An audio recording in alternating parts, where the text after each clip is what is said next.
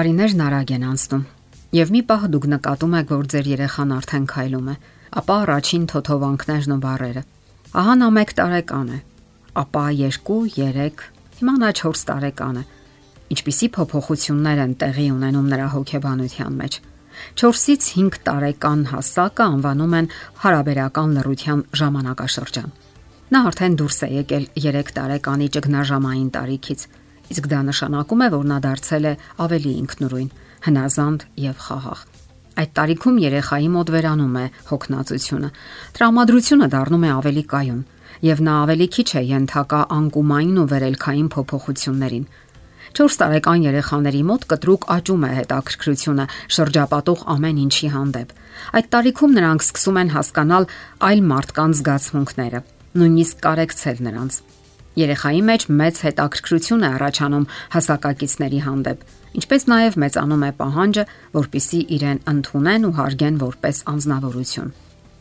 4 տարեկան երեխաները շատ հետաքրքրասեր են։ Նրանք շատ հարցեր են տալիս այն ամենի մասին, ինչը տեսնում են Սակայն նրանց մոտ դեռևս բավարար չափով զարգացած չէ կամային ուշադրությունը, եւ այդ պատճառով հեշտ չէ ստիպել, որ զբաղվեն այն բանով, ինչը չի հետաքրքրում իրենց։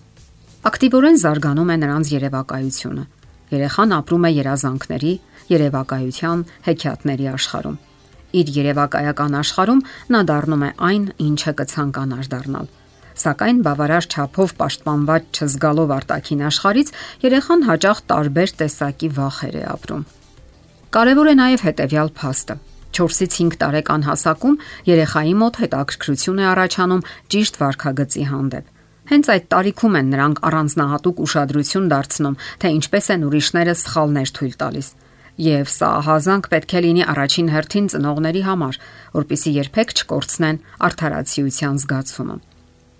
Կարևոր է նաև ընտանեկան կարգապահությունը, որն անհրաժեշտ է ցանկացած տարիքի, նաև 4 տարեկան երեխայի համար։ Սահմանեք ձեր ընտանեկան օրենքներն ու կանոնները, որոնց պետք է հետևի երեխան։ Սակայն հիշեք, որ այդպիսի արգելքները նաև չպետք է շատ լինեն։ Այդ տարիքի երեխան մեծ քանակի սահմանափակումներ պարզապես ի վիճակի չէ ընկալելու։ Հարցն այն է, որ այդ տարիքում արգելքները երեխայի մեջ առաջացնում են չարություն, բողոք, մեղավորության զգացում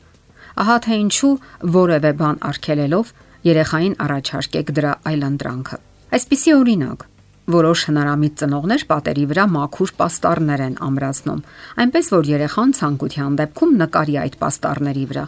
ապա հեռացնում են արդեն ներկածը եւ փակցնում նորը, որpիսի երեխան չնկարի պատերի վրա։ Այդ ձևով դուք հնարավոր է բացահայտեք նաև ձեր երեխայի ստեղծագործական ունակությունները, որոնք այլ դեպքում չէր նկատվի, եւ մի բան էլ ավել, դուք հաճախակի կպատժեիք նրան պատերը կեղտոտելու համար։ Հնարավորության սահմաններում աշխատեք խուսափել չի կարելի եւ ոչ բարերից։ Օրինակ, փոխանակ ասելու՝ չի կարելի պատրել գիրքը, ավելի լավ է մոտավորապես այսպես ձևակերպեք այդ միտքը։ Եթե պատրես, այլևս չես կարող նայել այս գեղեցիկ նկարները, կամ ես տխրում եմ, երբ դու փչացնում ես գիրքը։ Մի խոսքով, ամեն մեկն էլ կարող է մի հարմար բան մտածել, որը հատկապես կազդի իր երեխայի վրա։ Երեխայի համար շատ կարևոր է ծնողի անձնական օրինակը։ Իմացեք, որ երեխաները ընկալում են ոչ թե բարերը, այլ արարքները։ Եթե ծնողները արգելում են, որ երեխան համակարգչային խաղեր խաղա, իսկ իրենք խաղում են, ապա կարող է երեխան լուրջ ընդունել այդպիսի արգելքը։ Իհարկե ոչ։ Ուշադիր եղեք նաև երեխայի հոգեբանական վախերի հանդեպ Նրա ներկայությամբ մի պատմեք այնպիսի պատմություններ, որոնք կարող են վախ առաջացնել նրա մեջ։ Դրանք կարող են լինել պատմություններ ավազակների, ծանր հիվանդությունների, մահվան մասին եւ այլն։ Իսկ եթե նա այնուամենայնիվ վախենում է ինչ-որ բանից, պետք չէ ծաղրել նրան, հեգնել կամ ամաչեցնել։ Հարկավոր է ուրախadir լսել երեխայի պատմությունները իր վախի մասին եւ գտնել ճիշտ լուծումը։ Անհրաժեշտ է նաև հնարավորություններ ստեղծել, որ նա կարողանա խաղալ այլ երեխաների հետ։ Հաճախ ընդգծեք այն, ինչը ինքն է արել հատկապես, որ նա արդեն շատ բան է կարողանում անել Դա հրաշալի խթան կլինի զարգացնելու նրա աշխատասիրությունը եւ ինքնուրույնությունը։ Երեխայի հետ քննարկեք նաև նրա երևակայական հորինվածքները։ Առաջարկեք սյուժետային սահմանային գծեր, բարոյական գնահատականներ տվեք հերոսների արարքներին։ Հարկավոր է հարգալից վերաբերմունք ունենալ 4-ից 5 տարեկան երեխայի բոլոր, նույնիսկ սխալ պատկերացումներին։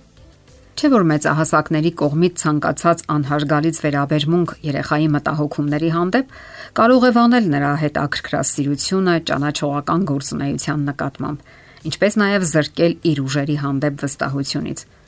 Մեծահասակները պետք է գնահատեն ոչ թե երեխային,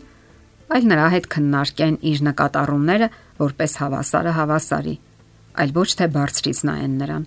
Շահագրգռված բարյացակամ վերաբերմունք դրսևորեք երեխայի հանդեպ, եթե նույնիսկ մի քանի անգամ կրկնում է միևնույն հարցը։